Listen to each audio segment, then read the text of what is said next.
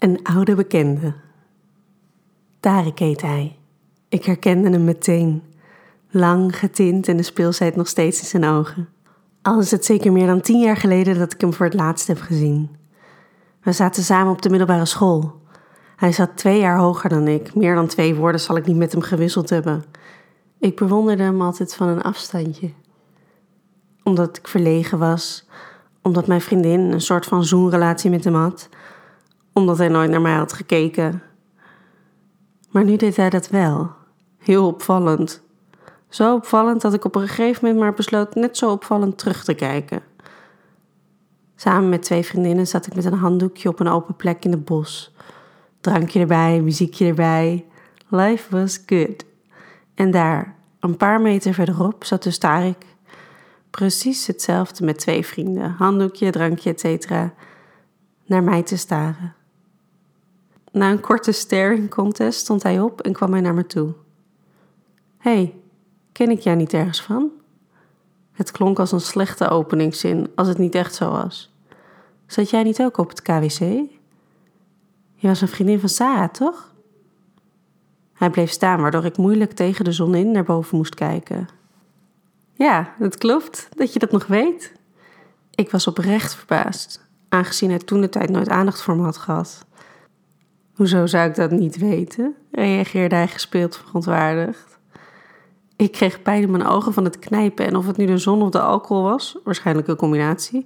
Het naar boven kijken maakte me duizelig en licht in mijn hoofd. Dus ik besloot op te staan en de moeite te nemen met hem uit te leggen. Ik vertelde dat ik een kleine crush op hem had op school en dat ik het idee had dat hij amper van mijn bestaan af wist. En hoe ik überhaupt niks kon doen omdat hij altijd met Sarah aan het zoenen was.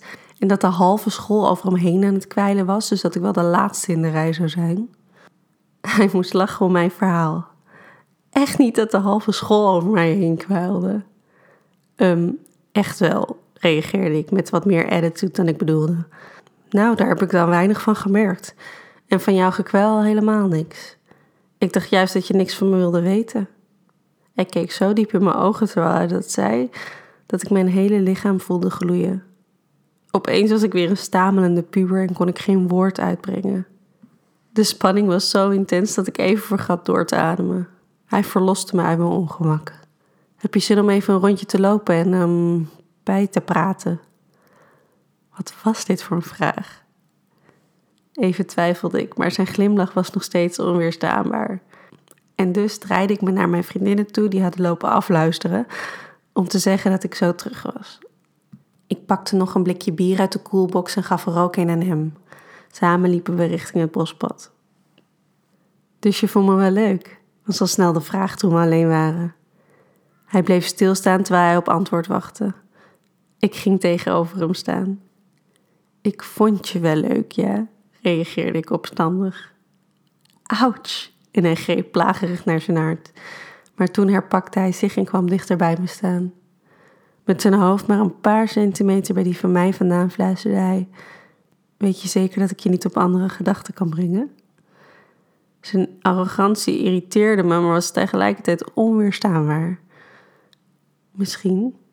Ik had het nog amper uitgesproken of ik voelde zijn lippen al op die van mij. Zijn volle, zachte lippen raakten de mijne eerst licht, voordat ik mijn mond opende en zijn tong naar binnen gleed. Hij pakte me vast en ik voelde mezelf week worden. Ik hoefde niets te doen, nergens aan te denken. Ik verdronk in zijn heerlijke mond. Hij smaakte heerlijk en zoende net zo lekker als ik al die tijd had gefantaseerd. Kom, laten we een beschut plekje zoeken, fluisterde hij en het duwde me zachtjes naar achter, letterlijk de bosjes in. Doen mensen dit echt? vroeg ik me zoekende af. Doe ik dit nu echt? Uiteindelijk vonden we tussen alle bosjes een plekje met wat gras op de grond. Al zoenend en voelend lieten we ons zakken. Hij klom bovenop me, duwde mijn shirt wild en hebberig omhoog en begroef zijn gezicht tussen mijn borsten terwijl hij ze stevig vastpakte.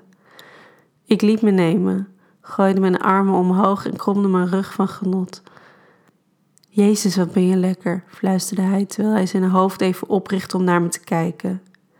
Ik greep de kans aan om zijn hoofd naar beneden tussen mijn benen te duwen. Hij begreep de hint en trok mijn string onder mijn rokje uit en greep mijn benen vast. Zijn tong vond mijn klit gelijk. Het ging te snel. Rustig. Langzaam, fluisterde ik terwijl ik mijn hand door zijn haar liet gaan. Met grote halen maakte hij me mega nat voordat hij mijn klit weer vond. Dit keer zachter, speelser. Al snel hield ik het niet meer.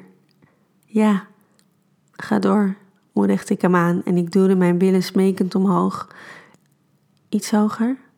Hij verhoogde het tempo en wist precies de goede plek te vinden waardoor ik mijn hoogtepunt bereikte.